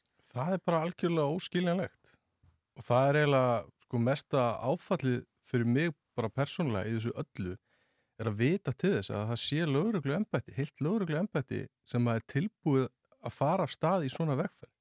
Af því að bara það að fara af stað, bara það að láta blaðmenn hafa réttastuðu sakbornings, það sendir bara mjög skýr skilabúð til blaðmanna. Ef þú segir frá, einhverju sem á erindi við almenning, þá áttu hættu þessu. Það er, það er alltaf ársfangilsi við þessum brotum sem er verið að rannsaka okkur fyrir. Mér, sko, mér dettur ekki til hugar að óttast að fara í fangilsi fyrir þetta. Nei, nei. Uh, ég óttast ekki að þurfa að borga sekt. Ég óttast ekki niðurstöðuna í þessum máli. En vegferðin ein og sér er graf alvarleg. Og ég veit í hljóma sko, uppskrúaðar og, og hérna, eins og ég hafi rosalegt álit á, á, á hérna, því sem að ég fæst við á hverjum einsta degi. En þetta snýst bara eiginlega ekki neitt um mig eða Dotta eða ekki Þórsnæ eh, eða bara nokkurn einstaka blaman. Mm Mhm. Þetta snýst bara í alvörinu um það hvernig samfélag við viljum reka þeim og, og bara það, að séu öflugir sjálfstæðir fjölmilar er algjörst grundvallara atriði í því að reka líðræði samfélag og það er bara staðfest í sko lögum í, í því hvernig lögjafinn, dómsvaldið og framkvæmdavaldið, svona flestum tilugum allavega, e, lítur á. Mm. Það hefur ekkert verið dreigið í efa. Eins og Þóris nefndi hérna áðan þá, þá sko byrst samir að einhver liti afsökunar á, á þessum verkum e, skæruliða nefndarinnar að hvað skal segja. E, já, því, því þetta að það hafa kannski ekki verið mikil meining á bakvið þá afsökunarbeðni Ég, ég get ekkert sagt um það, þetta er auðvitað ekki samherri sem kærir þetta til lauruglu heldur er þetta einstaklingur og, og, og svo það sé sagt, það kom fram bara í umfjöllun okkar frá fyrsta degi að uh, bæði í samtölu við þann mann og svo í yfirlýsingu lögmann samherja að hann liti á að gögn hafi stólið á honum og þau gögn væri uh, undirstaðan í okkar uh, fréttaflutningi Mhm. og að hann ætlaði að kæra það til lauruglu og honum er frjálst þess að kæra það sem hann vill til lauruglu. Það, ég ger engar aðtöðsendur við það, ég ger heldur engar aðtöðsendur við það að fólk sem telur á sig brotið vegna fjölmjölumfjöldnarar leiti réttasins á engamálulegtum grundvelli Mhm. Og, og fari, þú veist, ef að það telur að meðir eða átt sér stað eða að vera vegið æru sinni með einhverjum hætti að það þá bara höfði mál, engamál. En það að lögregla fari í rannsó á grundvelli svona, uh, svona kæru uh, og fari með það svo langt að gefa bladamönnum stöðu sagbúrnings bara fyrir það að segja fréttinnar skulum hafa það alveg á hreinu, aðskilnaðan er þar það er bara verið að gefa okkur þessa stöðu fyrir það að skrifa fréttir úr gögnum Haldið þessu annarlega hvað er hérna baki hjá lauruglunni? ég veit ekki, ég þekki ekki til laurugluembatsis á, á Norrlandi eistra ég þekki ekki til þess fólk sem fer með valdi þar uh, eina sem ég get gert er að, að mynda mér eitthvað skoðun á því hvernig þetta horfum við með núna samkvæmt þeim upplýsingu sem ég hef fyrir fram að mig og mér finnst þetta ég tek undir með aðalstenni án þess að vilja hljóma neitt átimbraður í þeim upplýsingum, en mér finnst þetta grafa alvarlegt og þetta er miklu stærra en þeir sem eru undir ég tek líka undir það sem aðalstenn segir ég er sannlega ekki hrættur við það hvernig þetta mál fer það getur bara farið á eitt veg Mhm. uh, þetta eru bara eitthvað látalæti og uh, en fyrir sko bladamenn í heild þá á það að vera umhugsunarefni að hérna að ef að þú fær gögn sem þú metur að í einindi valmenning og þú vinnur gögnin út frá bara gildum bladamennsku og hérna og, og, og, siktar það frá sem á það erindi frá hinnu sem á það ekki og byrti síðan umfjöllin á því sem enginn hefur reynd að þá getur átt hættu verið því að dre, vera drein í yfirrislur eins og sakamar Eh, Sko, hvað með þig aðstætt? Ég meina, núna ert þú ferðu inn í þessa skýslutöku hvernig sem að hún verður og ert auðvitað bundin af því að þú getur ekki gefið upp uh, heimildamendina, getur ekki gefið upp þá sem að, láta þér að tíu þessi gögn, þessi engaskilabóð sem að ganga á milli skæruletildarinnar. Sko, hver verða þín svör í skýslutökum? Ég náttúrulega veit ekki ennþá alveg hvað spurningar ég áttur að fá. Nei, nei. Eh, það er ekki margt sem að ég svona ímynda mér að geta yfir höfu sagt í þessari skýslutöku. Ég er náttúrulega stafst eitthvað ég heiti og hverju bý og kannski kennetölunum mína. Eh, en allt sem snýr að umfyllurinni, hvernig hún er unnin, það er bara önnur lög sem gilda um það að ég get ekkert tjáð mig. Og að sjálfsögðu mun ég ekki gera það. Og það sama gildi um þig eða eitthvað? Já, já. Ég meina, þetta er, eins og ég sagði náðan, þetta, þetta er ekki í fyrsta sinn sem einhver er ósáttur við það að gögn sem ríkir, þú veist, sem eiga að vera einhvers konar trúnaðagögn og hafa jafnvel einhverja viðkvæmar upplýsingar eða innhald einhverja viðkvæmar upplýsingar hafa, þú veist, verið grundullu frétta umfylluna. Ég meina, flest þau stóru mál sem hafa verið ofnbyrgi gegnum fjölmila á undarfötnum árum áratugum eru byggð á slíkum gögnum Mhm. þú veist, það er bara, við getum farið hérna aftur í sögum, lánabók kaupþings, það sem var reynd að fara eftir fjölmjölum og því var hætt. Uh, við getum, þú veist, uh, þetta er allt svona, sko. Og, og hérna, og ég, eins og ég sagði nána, oft fengið símtöl, það sem er verið að segja, bara, getur þú sagt með hver leti hafa X? Og hérna, og bara, nei, auðvitað ekki.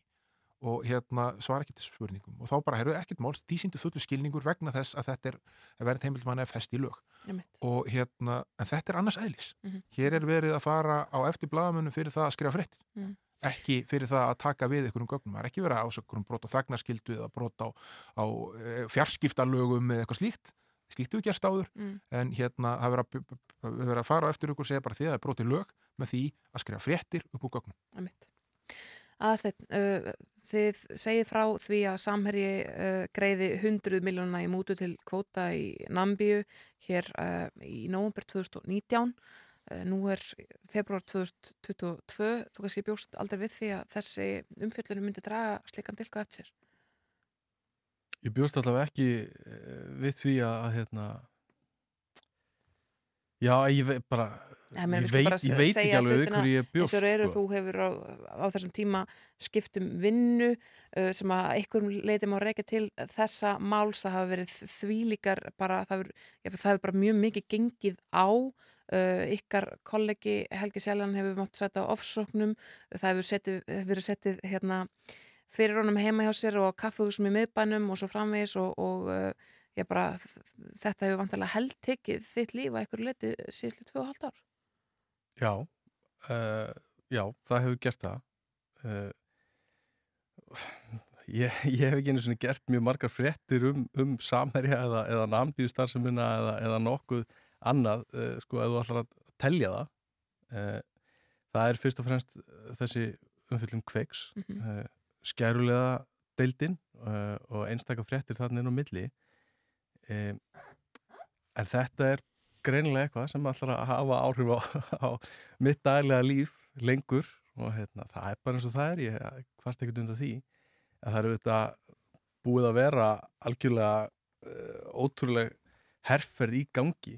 Uh, og hún hefur náttúrulega aðalega beinst eins og þú nefndir að Helga Seljan uh, slettist örlítið á mig þegar samherri stóði í, í YouTube herferðinni sinni og ég þurfti svona aðeins að setjast niður með eldri strákunum mínum og að útskýra Akkur það var einhver maður að byrtast á YouTube að, tala um pappa þeirra og hvað hann væri nú annarkot vittlus eða illgjarn. E, í gerð þurfti ég líka að hérna, setjast niður með elsta sinni mínum og útskýra það að því að hann fer á netið og, og hérna, fer hann á vísi og rúpunduris og eitthvað. Það þurfti ég að útskýra fyrir honum að það væri að fara að byrtast fréttur um að, að, lögreglan held að pappans væri glæpamæður.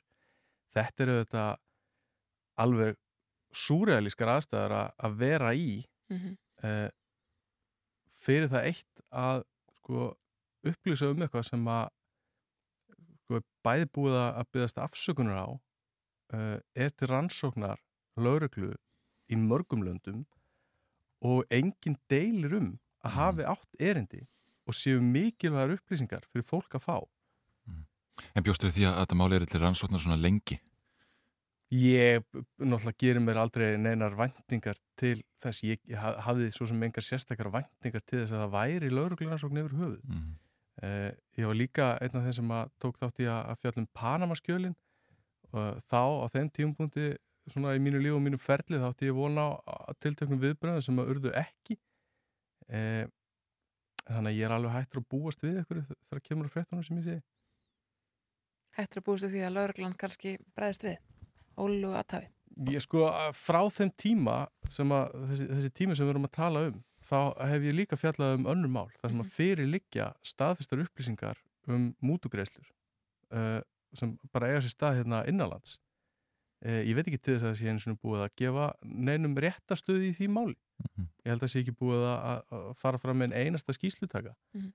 og, og, og það er náttúrulega sko, að það væri ekki ef það væri ekki svona alvarlegt mál, þá væri náttúrulega komist að ég sé að fara að mæta í skýslutöku í yfirherslu og lögreglu með réttastöðu sakbortnings fyrir hegningalega brot en ekki þeirra aðalar sem að fyrir liggur að hafi tekið við og greitt mútur. Mm. og þá er ég ekki að tala um samræmál, ég er að tala um önnur einfaldri mál, þar sem að játningar liggja fyrir. Sko Þórsnær, að þú bara svona greinir stöðuna kannski eh, hérna, stendur aðeins fjæð þessu máli heldur en aðalsteinn, sko, mannstu eftir við líka aðför að uh, frelsi fjölmjöla og heldur að svona uh, tikturur eins og hjá lauruglstjórunum muni hafa áhrif á það hvernig fjölmjölar fjalla um mál. Sko, uh, það hefur þetta gerst áður að, að blaðamenn hafi verið dregni fyrir dómstóla. Uh, sko, Agnes Bragadóttir fór allarleið fyrir hæstarétt hérna á nýjunda áratögnum út af einu svo kallega sísmáli og var síknuð. Mm. Uh, ég held nú að kollegi okkar Ingi Freyr Viljánsson hafi nú einhvern tíma fengið stöðu sakbortnings fyrir brot af þagnarskildu ákvæðum laga og, og, hérna, og fjarskiptalögum en síðan svo rannsóknu verið felt niður eðlilega þegar hérna málinn hafi verið rannsöku betur en uh, eina dæmi sem ég mann eftir um starfsmann fjölmiðlafyrirtæki sem hefur hlotið sko dóm fyrir brot á lögum er, er, er Óskar Magnússon fyrir hann útgáfu stjóri morgunblasins fyrir það að fara inn í tölvupóst fóng blaðamanns. Það var alveg brot á personum vendarlögum. Uh, þannig að hérna, það var ekki blaðamar þar að verki. Uh, þannig að hérna, nei, svo eru bara engamál raunlega fyrst og síðast sem hafa átt sér staða sem hefur verið að fara eftir fólki vegna meiðir það eða annað slíkt. Og það í einu slíku er ágætt fordæmi sem rýmar við þessar sakagifti sem eru settar á mig og aðstæðin og fleiri núna. Eh, það er mál Jónu Benditsdóttur og tölvupóstana sem kannski einhverju mun eftir það var höfða, höfða enga mál sem fór allarleið fyrir hæstarétt meðal annars Kára Jónarsinni þá var þetta reitstjóra fréttablasins fyrir brot á friðilgi engalísins og því var vísað frá þegar þetta var, hérna, hann var ekki sakvill, hann var síknar þar á grundulli þess að umfjöllun á byggðu og gögnunum ætti erindi við almenning Mhm. sem eru þetta nákvæmlega sama og við erum að takast á við núna. Þannig að þetta er hérna, við hefum marga langa og flókna sögu uh, um það hvernig er vegið að fjölmjölufæra síðan á Íslandi og þetta er bara en einn varðan í því, vonandi getum við bara nýtandi góðs. Mhm. Við komumst ekki lengra í þetta skiptið Þórður Snær Júliusson, Ríðstjóri Kjartans og Aðalsteinn Kjartansson, blaðamæður á stundinni, takk fyrir að koma til okkar. Takk fyrir.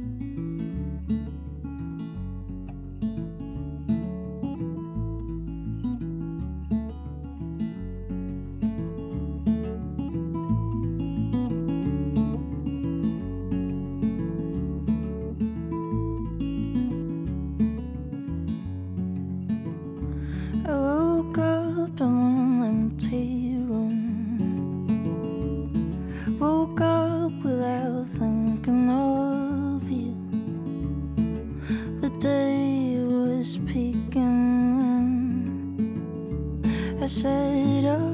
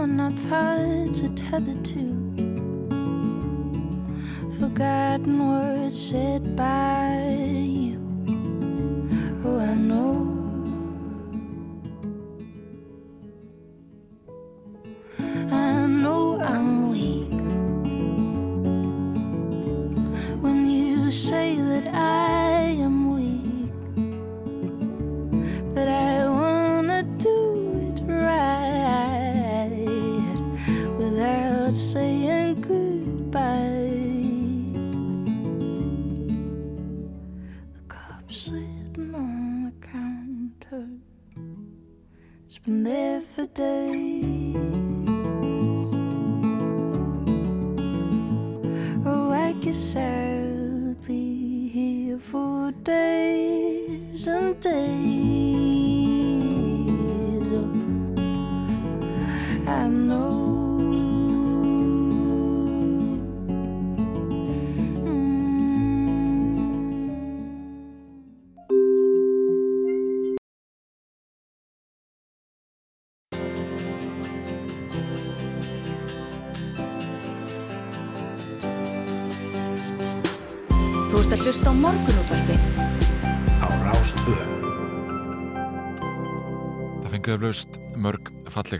Frá ástinni sinni gæru, konudagurinn er jáfnframt næsta sunnundags og vertíð.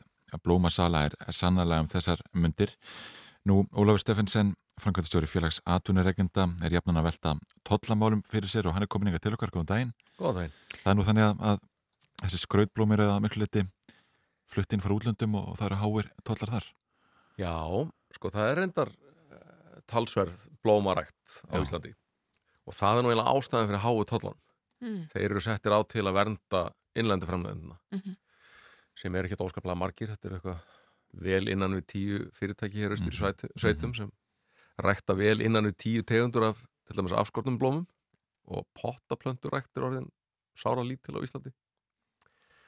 Þannig að við höfum verið að benda á þetta út frá hagsmunum okkar félagsmanna sem er í blómaverslun en þetta er ekki síður hagsmunum neytenda að það eru alveg afskaplega háir tallar á blómum á uh, innflutt afskorin blóm, svo við tökum nú bara dæmi á þeim í þessum mikla blómvandamánuði. Það lagst 30% verðtollar og síðan 95 krónatollur á hvert blóm. Ha, 95 króna tóllar á hvert á einasta hvert blóm. blóm, já. Þannig að ef Þannig að þú ert með kannski uh, rósabúnt með 12 rósum þá er það bara næstu í 1200 kall sem Já, að, uh, þú ert að borga bara í Já, já. fyrir utan tollin. Sko, þetta leiðir ímsild af sér. Í fyrsta lagi náttúrulega er verða blómum allt og hátt. Uh, við tökum stundum svona stikkpröfur í blómaverslunum og stórmarkuðum hér og síðan í löndunum í kringum okkur. Verðmunurinn er yðurlega tvö og þrefaldur. Mhm. Uh, Þegar fyrstu íslensku túlíparandi voru að koma að marka núna fyrir jólinn þá, sko, af því að ég þekkti til í kaupmanna, það er til að taka mynd fyrir mig á sama tíma og ég tók mynd á, á, á stéttinni hjá melabúðinni og verðmunurinn per blóm var sjöfaldur. Já. En það er nú kannski ekki algengt. sko. En algengt er, er 2-3-faldur verðmunur og ástæðan er ekki síst svo að þú ert að flytja inn til dæmis segjum túlípana, þá þrefalda tóllanir innköpsverðið.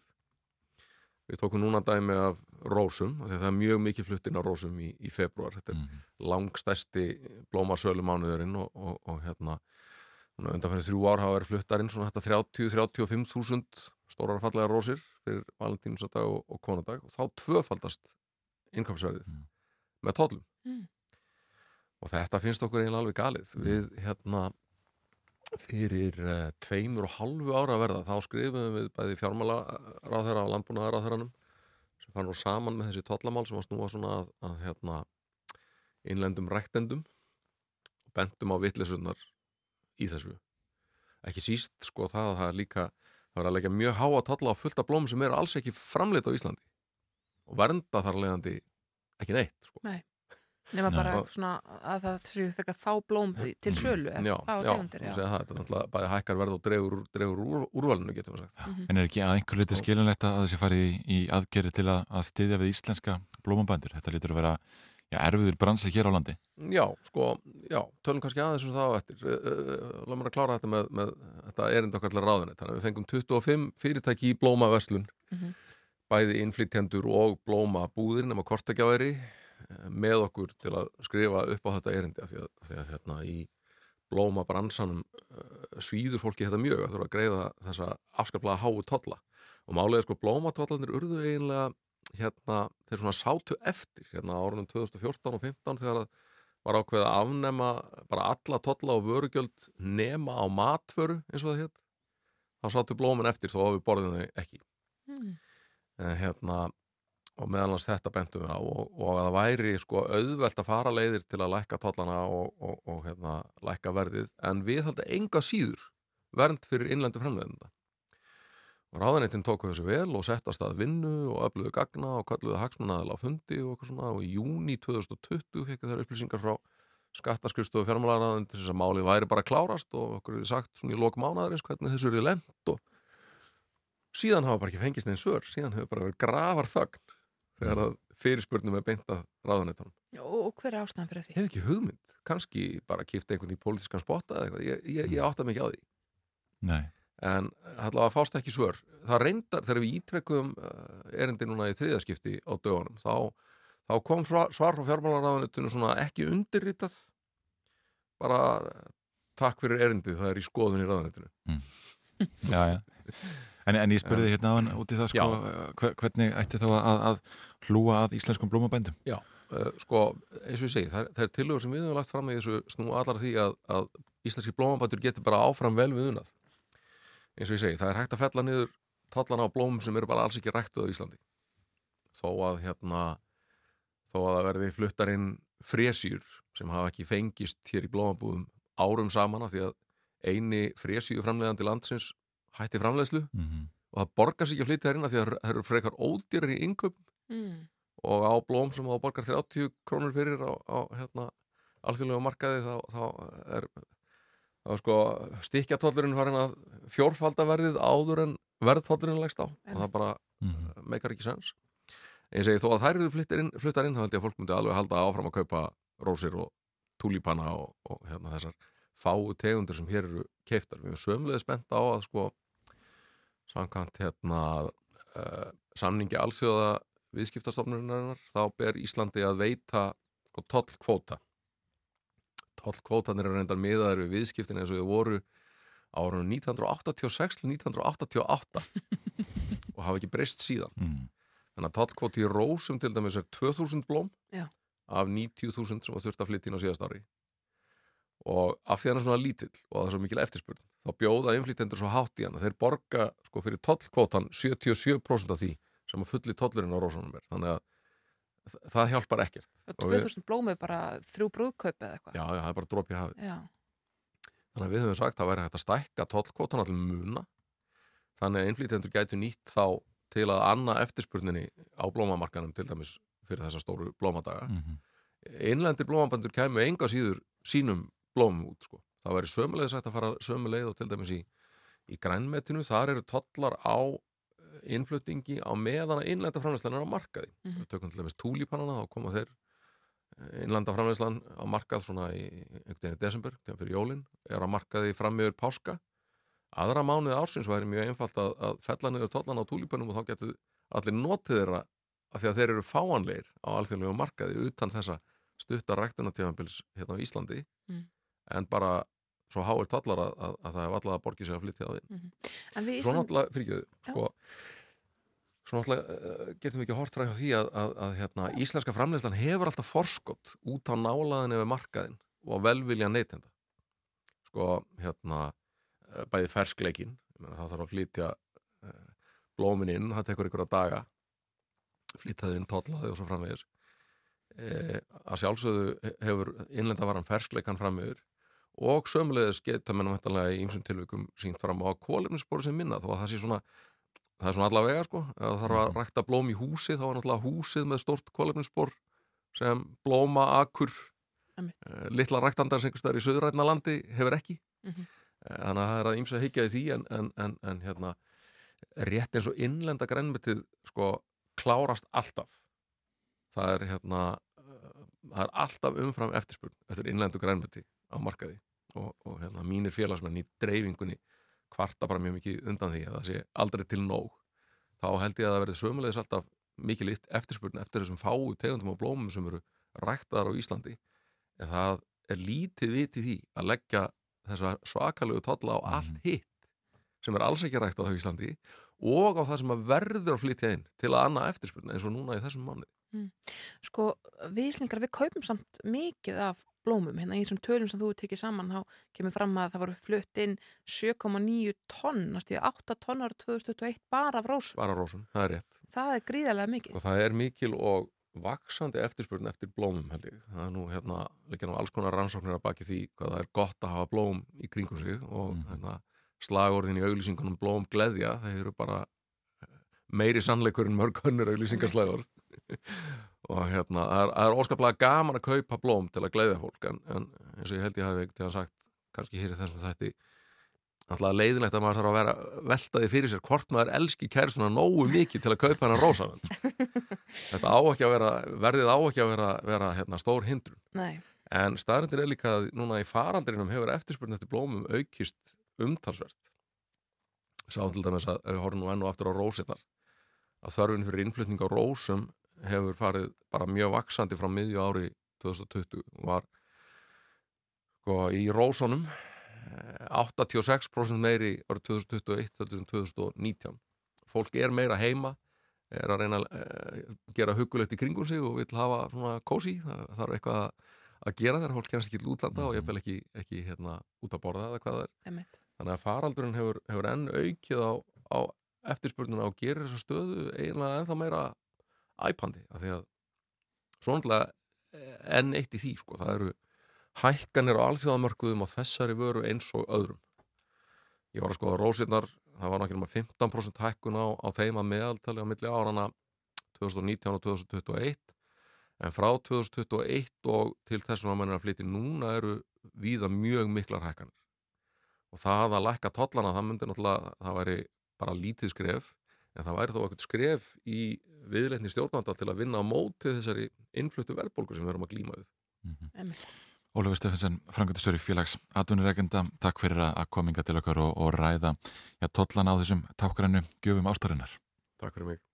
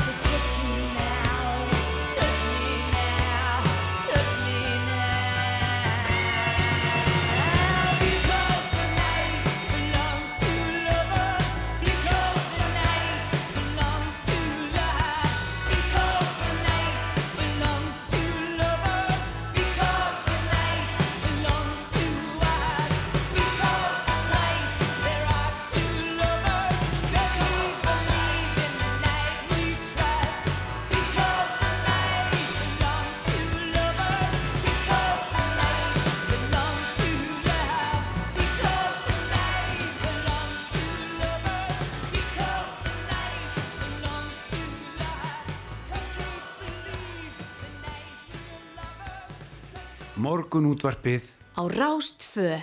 Já, Patti Smith með Because the Night en diggir hlustendur morgunútarsins uh, fá eitthvað fyrir sinni snúð allar þriðudaga þegar að fasta hotnað um vísindi og tækni uh, fyrir hér fram og hingaði komin Guðmundur Jóhansson tæknigummi eins og við kallum hann gerðan. Velkomin. Já, takk fyrir það, góðan daginn. Hvað ætlar að segja ykkur í dag? Herðu, mér, mér langaði að tala eins um, um hlaðvörp Já. og náttúrulega Spotify og hlaðvörp hafa verið í umræðinni en ég nefn alltaf ekki að tala um það en ég ætla samt að tala um Spotify og hlaðvörp Ok. bara ekki Joe Rogan Ok, ok. og það mála allt saman uh, að því að Spotify eru ekki bara markaðsráðandi þegar kemur að tónlistarlustun heldur eru þau líka markaðsráðandi í, í hérna, hlaðvarpslustun Gerðu það fyrir eitthvað rætt, komist það rætt. Já, þau opnuðu á hlaðvörp í lok ást 2018 ef mann rétt, þannig að þetta er ekki búið að taka það langan tíma en þetta hefur verið svona nokkra vörður á leiðinni og þau hafa all oft þurft að taka upp veskið og kaupa hluti og til dæmis Stjórókan er bara ákveðti stæmi um það sem eitt vinsalasta hlaðvarp allan í bandaríkjunum, það sé ekki jafn, einn stór í heiminum. Um, þau eru með hann en þau hafa líka keift hérna Uh, hérna, The Ringer sem er svona fjölmjöla veldi Bill Simmons sem að fjalla mikið um íþróttir og dægumál Gimlet Media sem að hérna framleir, framleir hérna Crime Town og Reply All og fleiri vinsarla þætti. En þau hafa líka uh, verið með svona annað efni eins og hérna hlaðvart með Barack Obama og Bruce Springsteen þannig að þeir tveir eru saman að spjalla. Renegades. Re, akkurat, sem hefur svona, held ég örgulega ágættis vinsaldir bara þegar maður horfir á að þessi tveir mennsi að setjast niður og ræða málin hægt og rólega í, og engin asi. Eh, en það er samt þannig að svona Spotify hefur verið að taka upp veskið alloft og þau hafa keift hérna uh, keiftu Angor fyrir nokkrum árum sem er sem sagt upptökuforrit eða upptökukerfi. Þau keiftu hérna Megafón sem er hýsingaraðli fyrir hlaðvörp og, og hérna og svo voru þau að kaupa annað fyrirtæki núna um daginn sem ég ætla að segja aðeins frá eftir smá stund en það er svo merkilegt að hugsa til þess að það hefur náðið mitt þessum undraverða árangri á svona stundum tíma því að samkeppni í hlaðvarps hlustunar spilurum eða já, bara já, hlaðvarps spilurum er ansi mikil en hún er samt þannig að hún er ekkit endilega alltaf sangjörn og ef maður hugsa um það í, að Spotify er í fyrsta sæti en í öðru sæti er, er, er fyrirtæki sem heitir Apple og Apple þetta býr til sitt hlaðvarpsforrit sinn spilara, bara podcasts appið eh, og það náttúrulega er inni á öllum Apple-tækjum sjálfkrafa. Þannig að það er fyrir mörg okkar sem að eða Apple tölvu eða iPhone síma eða iPad spjaldtölvu þar er þetta podcast fórið alltaf mætta svæðið sama hvað okkur finnst um það sem, sem eigandum vörunar þannig að hérna, við, hvað maður segja, svona þörf fólks til að leita sér að öðrum hlaðvarp spilara er oft á tíðum ekkert mikil af því að þetta er þarna bara. Og þú þarft þá ekkert að fara að leita ykkur öðru og bera saman kosti og galla mismunandi hlaðvarp spilara forritið er bara þarna. Og þess vegna finnst mér svolítið magnað að Apple sé ekki fyrsta sæti heldur að Spotify svo þú þarft virkilega, þú þarft að ná í forritið og þá vera hérna að nota það. Uh, og, og, og svo náttúrulega til fjöldi annara forrita og svona í tækni sögunni er alltaf skemmtilegt að rifja upp að fyrirtæki sem að við þekkjum mö- mörg eða flest og notum mörg er hérna byrjað á sínu tíma og átt að vera hlaðvarspilari áður en að hlaðvarp byrjuð svona vinsæl. En þegar Apple gaf út podcast appi sitt sem fyrst hafði þann tilgang að e, ná í hlaðvörp fyrir hérna, iPod MP3 spilaran þá ákvað þetta fyrirtæki sem var bara pínlítið sprótafyrirtæki að í raun og ætluðu þeir bara hætta og loka eða þau að hætta og loka en ákveðu þá að hugsa um eitthvað eh, reyna að finna ykkur nýja nálgun svo þú myndi ekki þurfa bara að hætta og loka og það er Twitter. Twitter byrjaði semst uppáðlega sem átti að vera hlaðvarpsveita en, en í dag er það bara eitthvað allt annað. Og ekki tengt hlaðvarpum á neittnátt en þar sem að Spotify voru að kaupa um daginn það er ástrals brotafyrirtæki sem heitir Vuska og það sem Vuska gerir og er að taka upp útváðstætti í rauntíma, bara eins og þann sem við erum í akkurát núna og það sem þau gera er að þau klippa út tónlist og auðlýsingar Já. og gera það sjálfvirt í rauntíma eins og ég segi og setja inn þá dýnamískar auðlýsingar í staðin sem, sagt, sem eru ætlaðar hlaðvarpi. Og þannig er hægt að setja inn uh, auðlýsingar bara eins og við þekkjum á Google eða Facebook, þú setur inn auðlýsingar sem að, á að uh, ná til ákveðins markhóps og getur sett inn þá margar auðlýsingar á mismunandi þætti eða á margar mismunandi auðlýsingar á sama þáttin og það sem þú gerir þá er að þá getur þú bara sett, ég ætla að fá að þessu auðlýsingi hefur byrtast þessu, þú veist, kallkynni eða kvennkynni eða einhverju kynni eða einhverju kynni aldrei staðsetningu og hlustunarsögu. Og þannig svona reynda bara eins og við þekkjum í, í, á Instagram eða Facebook eða Google að auðlýsingar eru oft svona sérsniðnar innan gæsalappa þú er svona hitti misvel í mark. Og þ- þannig ára sérst vera hægt að umbreyta útvarstáttum sem að eru oft svona, jú, eins og hlaðvörp eða hlaðvörp er eins og útvarstætti en þau eru oft ekki alltaf alveg eins. Nei, nei. en það er svona búið að að reyna að láta útvarstætti ganga upp betur sem hlaðvörp þannig að það útvarstöðar getur þetta fengið meira út úr efninu sínu og það þurfa ekki eins mikil handavinna. Um, en það er samt þannig að það, og þá á Spotify raun og veru heilt svona hlaðvarpsvistkerfi. Nú eiga þeir upptökuna, þeir eiga hýsinguna þeir eiga auglýsingakerfið og þeir eiga, þau eiga spilaran, þannig að þau eru bara með hérna allt vistkerfið á sínu snærum.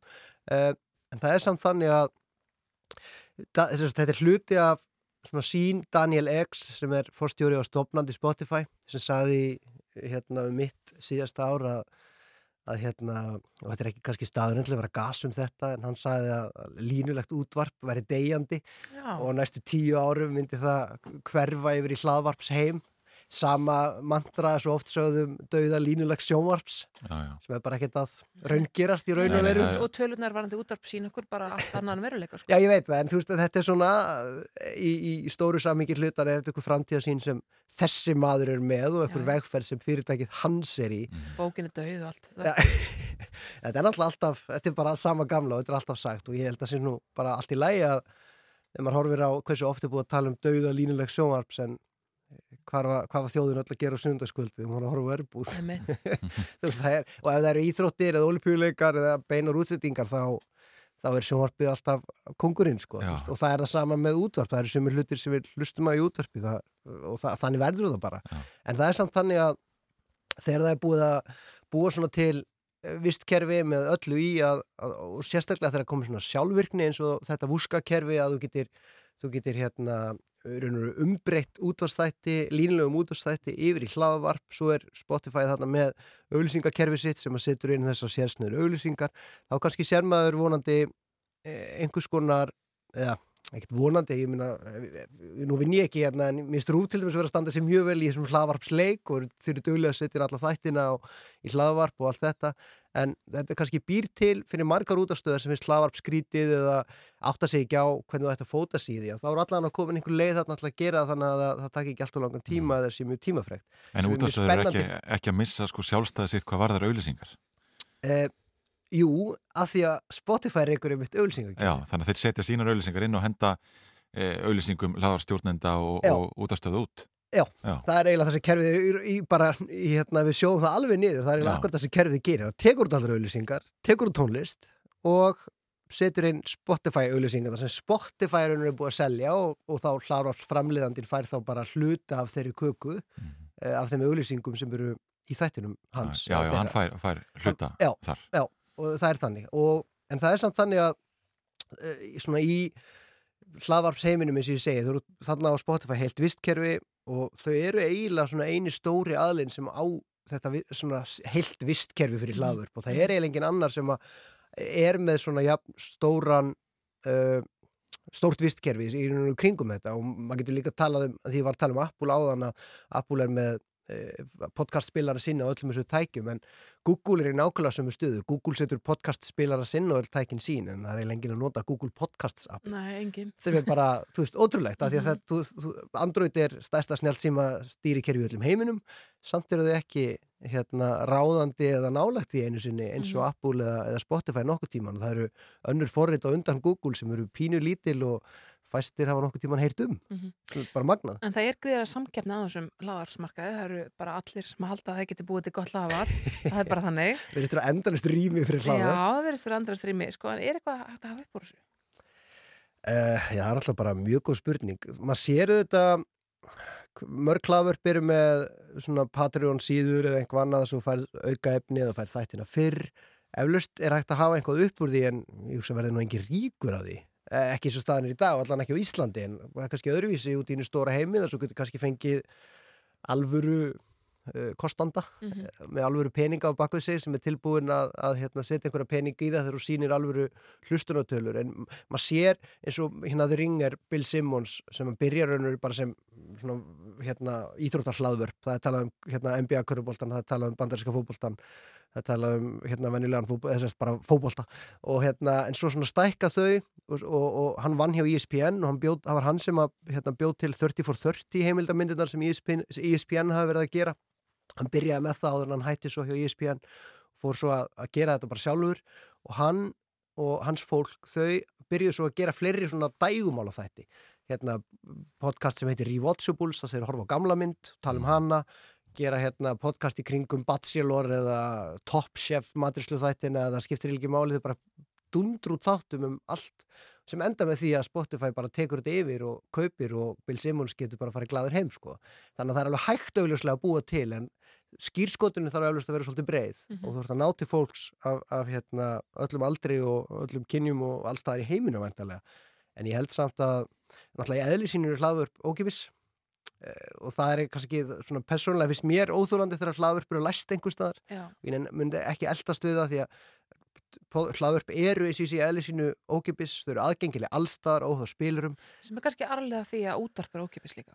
algjörlega og bara byggja á hérna, RSS-tækni sem að bara gerir það að verkum að hlutinir eru aðgengilegir og uppfarast sjálfkrafa allstaðar þar sem að þú vilt hafa þá Mhm. þannig á maður að geta, ef að hlaðvarpi mitt sem ég vil hlusta á er ekki í spilarinn sem ég kýsa að nota, þá á ég að geta sett inn RSS slóð og þá bara segir spilarinn, já, hér er þetta hlaðvarp og hér er myndin fyrir það og þetta eru nýjastu þættirnir og þá er það bara komið inn en heimurinn er svolítið að breytast eins og streymisveitunar allar bara ef við hugsaum um sjónastætt og kvikmyndir að það er verið að læsa allt einhvern veginn á endanum inni þannig að maður þurfa að borga og hafa enn fleiri áskriftir því miður Einmitt. Guðmundur Jóhansson, takk fyrir að ræða heim tækninar við okkur. Við hlökkum til að fá það aftur eftir. Takk. Já, við komumst ekki lengra að sinni, við erum búin að fara yfir margt og mikið hér áður en að gummi kom, þá vorum við með Ólaf Stefansson, Frankvæmtastjóra félags atvinnureikart að tala um blómin, það minnum að það er konundagur og sunnudag og því er ekkert að geima það varum á helgina að velta því fyrir sig hvað mann þarf að gera fyrir konuna í lífi sínu. Nei, það er ágætt að- byrja vikuna á því að- hugsa þetta aðeins. Við erum líka við eh, Bergþóru Þorkelsdóttur, eh, já, fórstjóra vegagerðarinnar, rættum eh, Landris, Skaftorrepp og Arjónbanka og síðan rættum við Þórsnæ og Aðstinn Kjartansson. Já, emitt. Takk fyrir okkur í dag.